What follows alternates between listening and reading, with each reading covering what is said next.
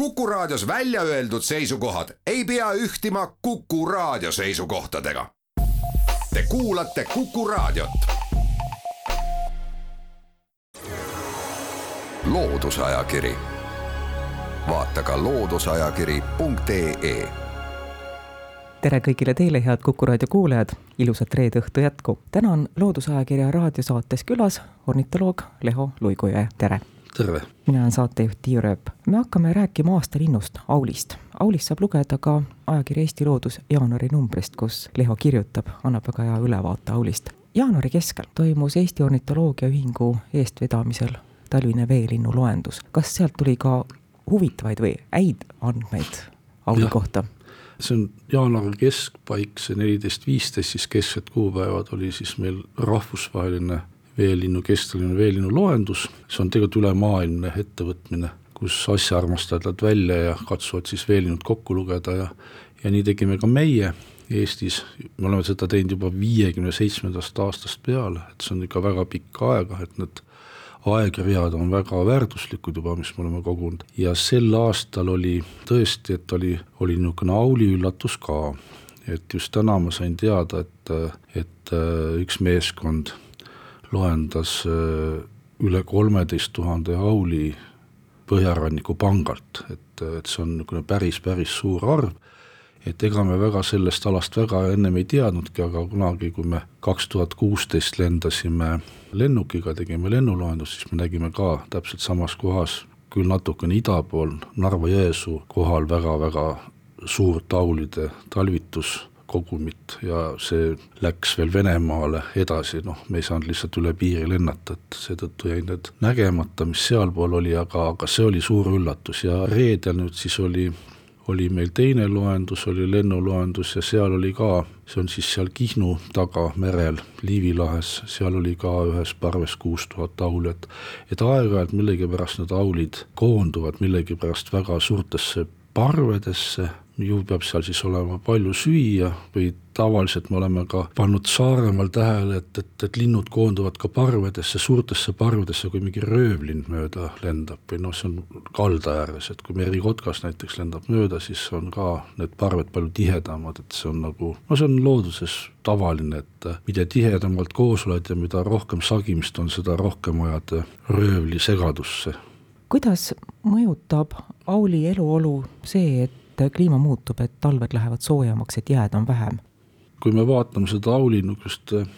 elukäiku, et siis äh, tegelikult on tegemist ju arktilise veelinnuga ja arktilisteks veelindudeks me nimetame neid linde, kes pesitsevad Arktikas ja talvitavad siis siin kas siis Läänemerel või äh, Põhjamerel. no mõned veelinnud lähevad, on ka, lähevad ka Aafrika rannikule lausa välja, Mauritaania rannikule aga Auli puhul on siis nüüd tegemist niisuguse liigiga, kes talvitab ainult Läänemeres, me räägime siis sellest äh, populatsioonist, mis meil siin on ja seda nimetatakse Põhja-Euroopa Lääne-Siberi asurkond. see on siis linnud, kes pesitsevad siis Lääne-Siberis ja Põhja-Euroopas, Lääne-Siberis siis ütleme kuni siis Taimuri poolsaareni. Nüüd ongi nii, et, et osa neist arktilistest veelindudest talvitab üha põhja pool, kuna põhjapoolsed alad on jäävabad, mis ei olnud näiteks jäävabad kakskümmend, kolmkümmend aastat tagasi. Ja näiteks me teame väga hästi, et kirjuahkade puhul me arvame, et kirjuaha arvukus Eestis langeb, kuna Norra rannik ja Valge meri on ka osaliselt juba jäävaba, tähendab Põhja-Jäämeri on juba osaliselt jäävaba ja, ja osad linnud jäävad ka sinna, kindlasti ka osad aulid jäävad sinna, nad ei tulegi enam Läänemerre seetõttu on need äh, muutused päris suured mõne liigi puhul, et kui me nüüd Aulist äh, vaatame veel teisi linnuliike, nagu näiteks on äh, väike koskel ja merivart ja tuttvart, siis nende arvukus on tõusnud üüratult Eestis, et varem, kui me nägime väikekoslat kakskümmend aastat tagasi mingi noh, kolmkümmend lindu, siis praegu on neid kolm tuhat kes on juba Eestis, et ja kõik need lõunapoolsed talvitamisalad jäävad üha siis nagu ütleme, veelinnu tühjemaks, saab nii nimetada, et, et ja see on ka väga arusaadav, miks nad seda teevad, et ega see lendamine on ju energeetiliselt äärmiselt kulukas ja ei ole mõtet lennata. nii kaugele, kui on tegelikult söök siin noh, palju lähemal, tuhat kilomeetrit lähemal, et sa sellega võidad kaks tuhat kilomeetrit. Eesti Looduses sa kirjutad sellest, et auli arvukus on viimase paarikümne aasta jooksul väga tugevalt kahanenud. samas, kui ütleme nii, et eluolu on läinud paremaks, ei pea nii kaugele lendama, talved on pehmemad, see on võib-olla väga lapsik minust, aga siis võiks ju vastupidi olla, et elu on nagu paremaks läinud ja kergemaks ja siis võiks arvukus suurem olla jah, nii ta on, et, et tegelikult just nimelt auli arvukus on väga tugevalt langenud, kakskümmend aastat tagasi oli meil neli koma kuus miljonit auli, see on niisugune hinnang, mida tehakse. Ja nüüd meil viimane hinnang on üks koma kuus, et tegelikult on kuuskümmend viis protsenti on auli arvukus langenud. ja, ja mitte ainult auli, vaid kõikide arktiliste veelindude arvukus. Ja kuna aul oli nagu niisugune eriti kilbile tõstetud siin juba võib-olla viis aastat tagasi, siis praegu on juba aulist ette läinud vaerad eriti tõmmuvaeras, kelle arvukus on veel rohkem langenud kui aulil, et see kipub olema nii, et need arktiliste veel, üldiselt veelindude ei lähe kõige paremini, mitte noh, mitte kõige paremini, aga neil läheb tegelikult väga halvasti. Ja kui me vaatame seda, et taul talvitab meil ainult Läänemerel kaheksa kuud kaheteistkümnest kuust, suure osa aastast, siis selle arvukuse langus päris kindlasti on on põhjustatud ka Läänemere seisundist. tegelikult on ju ka teada need ähm, tegurid, mis ohustavad aule. me ju teame, et äh, see on kaaspüük, see on merereostus, need on tuulepargid. kas on võimalik panna tinglikult pingeritta, mis kõige enam veelinde, sealhulgas aule ohustavad, kas need on tuulepargid, on see kaaspüük, on see merereostus? vot siin ongi nüüd tegelikult on seda suhteliselt raske teha sellepärast et ütleme, meretuuleparkidega on lihtne, seal on, tuulepark ehitatakse, seal ta on, seal saab uurida, kuidas see põhjaloomastik, õigemini toidubaas muutub ja seal on nagu kindel, seda saab nagu katseliselt teha, aga mis puutub merereostusse ja kaaspüüki, sellega on palju keerulisem. merereostusega on nii, et noh, loomulikult me teame, et on oleme kuulnud suurtest naftakatastroofist, kus läheb siis tanker kummuli ja, ja välja voolab seal kümme tuhat tonni masuuti või naftat, toornaftat ja, ja see reostab kogu ranniku ja, ja see on niisugune väga silmaga nähtav asi, aga aga seda me ei näe, et kui palju laevad tegelikult enda pilsiveega ja ja muidu noh, ütleme otse, niisuguseid sigadusi teevad äh, kaugel avamerel ja lasevad nagu naftajääke vaikselt merre ja õlijääke. Ja vot seda me ei tea, et, et on, on tegelikult, kui me vaatame neid, Helcom on neid aruandeid teinud, et äh, neid tegelikult on mõni aasta, neid on tuhandeid väikseid naftalaike on Läänemerel iga aasta. Ja laiud võivad olla kahekümne ruutmeetri suurused ja, ja kui lind sinna satub või see naftalaik satub näiteks mingi suure linnuparve lähedusse ja linnud seal kas või tilga saavad sellest naftast enda sulastikule, siis tegelikult on nad hukule määratud ja me näeme päris palju neid aule kivide peal istumas, mis tähendab seda, et nad kõik on tegelikult õliga reostatud, sellepärast et aul ei tule kunagi kivi peale istuma vabatahtlikult, järelikult ta on külm. ja seda kõiki nüüd saada teada, et kui palju meil seda reostust on, seda on suhteliselt raske kindlaks teha kuigi seda tehakse õliseiret ja noh, ka päris tugevalt tegeletakse sellega. ja teine on siis kaaspüük, jälle väga raske teema, sellepärast et noh, see on ka arusaadav, ega kalamehed ei taha ju öelda, et neil oli, et neil olid linnud võrgus, sellepärast et noh, nad kardavad, et et neil keelatakse kalapüük ära selles kohas, kui palju linde on võrgus. Ja seetõttu halb on öelda, aga see riiklik statistika on riiklik statistika ja, ja see tegelik olukord on tegelik olukord, et äh, just hiljuti ma olin ühel koosolekul, kus äh, oli Leedu riigis, kus äh, ametliku statistika järgi oli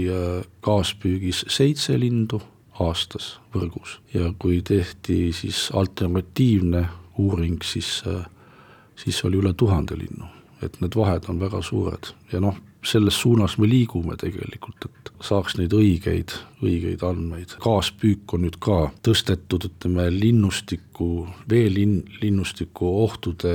hulgas Euroopa Liidus number üheks, et tegelikult see on suur probleem. mitte ainult meil, vaid see, see on üle maailma. kui palju auli mõjutab veelindude jaht? kindlasti ta mõjutab, aga seda on jälle, seda on jälle raske kindlaks teha, palju teda mõjutab, sellepärast väga, väga ei tea, palju neid kütitakse Arktikas. see on selge, et need põhjarahvad, neenetsid näiteks kindlasti jahivad auli ja jahivad päris kõvasti. ja rändeteel Laadoga, Äänisjärv, Valge meri, kindlasti jahitakse seal ka auli jahistatistikat me teame Euroopa Liidus ikka päris täpselt, noh, seal on jälle väiksed käärid võivad olla, aga ikkagi noh, ütleme nii, et me teame, palju meil mis liike lastakse. Ja, ja kui me seda vaatame, siis Eesti nüüd küll mingi probleem ei ole, et Eestis tegelikult see linnujaht on väga-väga äh, niisugune ütleme, mittepopulaarne võrreldes seal taanlastega või prantslastega või itaallastega, et äh, et Eestis ikka rohkem lastakse suurt ulukit ja, ja, ja kui lindudes, siis pigem hanesid, et ja pealegi auli ei tohigi, aul on kaitse all, et ta on nagu Euroopa Liidus on ta jahtimine keelatud. sa rääkisid sellest, et aulid on kaheksa kuud aastast, on nad meie juures ja siis neli kuud jääb üle, mis olla pesitsusalal. paaride moodustamine, see toimub siin veelindudel toimub kindlasti paaride moodustamine väljaspool pesitsusalasid juba aga noh, kindlasti on ka nii, et, et kuna tegemist on ikkagi noh, ütleme pikaajaliste lindudega, siis, siis need paarid on ka tihtipeale ikkagi juba püsivad. aga selge on see, et, et noh, seal mõni kaaslane hukkub, siis ega siis leitakse ju kähku kiiresti uus kaaslane, et ei ole mitte nii, et, et luige truudus, et kui luigel kaaslane hukkub, et siis ta lendab ise kõrgele taevasse ja kukutab ennast surnuks, et see niisugust, niisugust asja ei ole, et tegelikult ikka väga kiiresti otsitakse uus, uus kaaslane ja see jaanuarikuine, see Auli, Auli äh, laul ja, ja see üksteise tagaajamine, mis rannikul toimub ka nüüd Eesti vetes, see on, see on otseselt seotud ikkagi juba niinimetatud selle pesitsusaja algusega, et ollakse juba ärevil. Noh, ütleme nii, et nagu meie oleme ärevil, et tuleb noh, kevad tuleb ja see kevad on niisugune,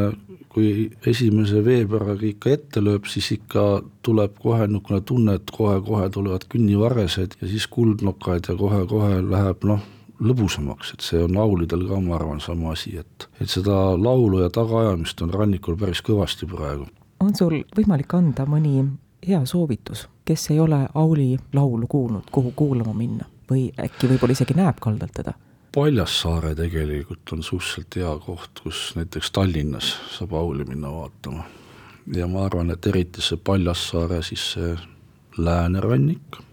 et kui me seal detsembris käisime, siis, siis oli seal üle tuhande auli, aga noh, Saaremaal on väga super kohad, on need Saaremaa üleval, need Tagalaht ja Küdemaa laht ja eriti sadamad millegipärast need aulid äh, armastavad ka sadamate lähedale tulla, tavaliselt nad on päris kaugel merel, seal noh, kakskümmend kilomeetrit ja niiviisi madalikel, aga millegipärast sadamate ümbruses nad tahavad olla,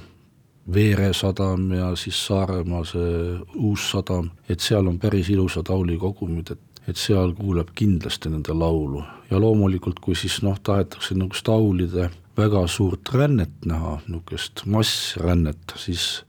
selleks on mai esimene pool väga hea ja just nimelt Põõsaspea neem ja Virtsu on väga hea koht, et kus näeb ikka niisuguseid, no ütleme, sadu tuhandeid aule üle lendamas. Need on niisugused äh, väga ideaalsed rändepäevad, see tähendab, rändepäev on siis see, see, kui kõik, kõik ilmastikuolud on äh, sobilikud ja sobilik aeg on äralennuks ja noh, tavaliselt tähendab see tagant tuult ja, ja noh, kus energiakulu oleks võimalikult väike, et seda niisugust suurt rändehüpet siit Eesti vetest Saaremaa tagant äh, Valgele merele, et need ongi, et noh, tead kõik linnud, aga veelinnud eriti, et nemad teevad niisuguse enda rännet niisuguse hüpetega, et äh, need on tavaliselt mingi tuhat, tuhat viissada kilomeetrit pikad ja sellega nad siis äh, lendavad ühe hooga ennast, äh, selle ühe lennuga lendavad ennast tühjaks. ja nad peavad uuesti sööma ennast täis, paar nädalat, kolm nädalat ja siis panevad teise niisuguse hüppe ja noh, see on niisugune hästi tüüpiline rändestrateegia ja sellepärast ongi see ülioluline just nimelt neid mitte ainult talvitamisalasid ja pesitsusalasid kaitsta, vaid väga ülioluline on vaja kaitsta ka toitumisalasid neid rändepeatuskohti. Need on nagu bensiinijaamad, ütleme, sul on väikse paagiga auto, hakkad Tartust Tallinnasse sõitma ja kui sul Mäos ei ole bensiinijaama, siis sa jäädki sinna Mäosse ja edasi ei saa sõita. Need bensiinijaamad peavad olema alles, nagu piltlikult öeldes, et aru saadaks, et kuidas see, see toimib. tihtipeale öeldakse, et mis neil viga, tähendab, mingu teise kohta, et meri on suur ja lai, aga teise kohta ei saa minna, sest teises kohas on sügav. Seal, kus nad toituvad, tavaliselt need madalikud on kuni kakskümmend meetrit ja seal on elu põhjas. Kui sa lähed äh,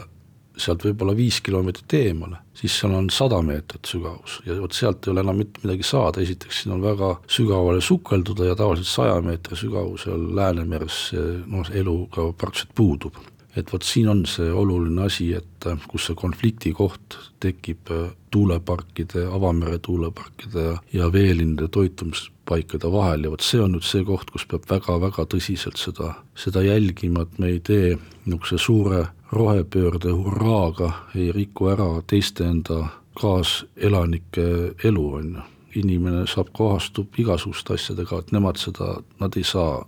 kui nad ikkagi ei saa süüa, siis nad ei saa süüa. Nad ei saa poodi minna või nad ei saa põllu peale tulla sööma või noh, ühesõnaga nad saavad ainult merepõhjast enda karpe süüa. Ja kui seda võimalust ei ole, on väga halvasti, et seepärast peab väga tõsiselt neid paikasid valima ja loomulikult ega keegi ei ole siis nüüd selle taastuvenergia vastu, aga seda peab targalt tegema.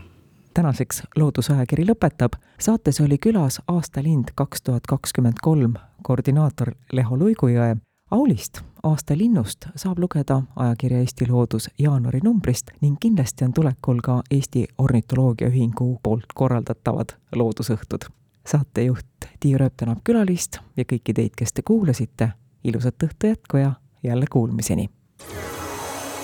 loodusajakiri, vaata ka looduseajakiri.ee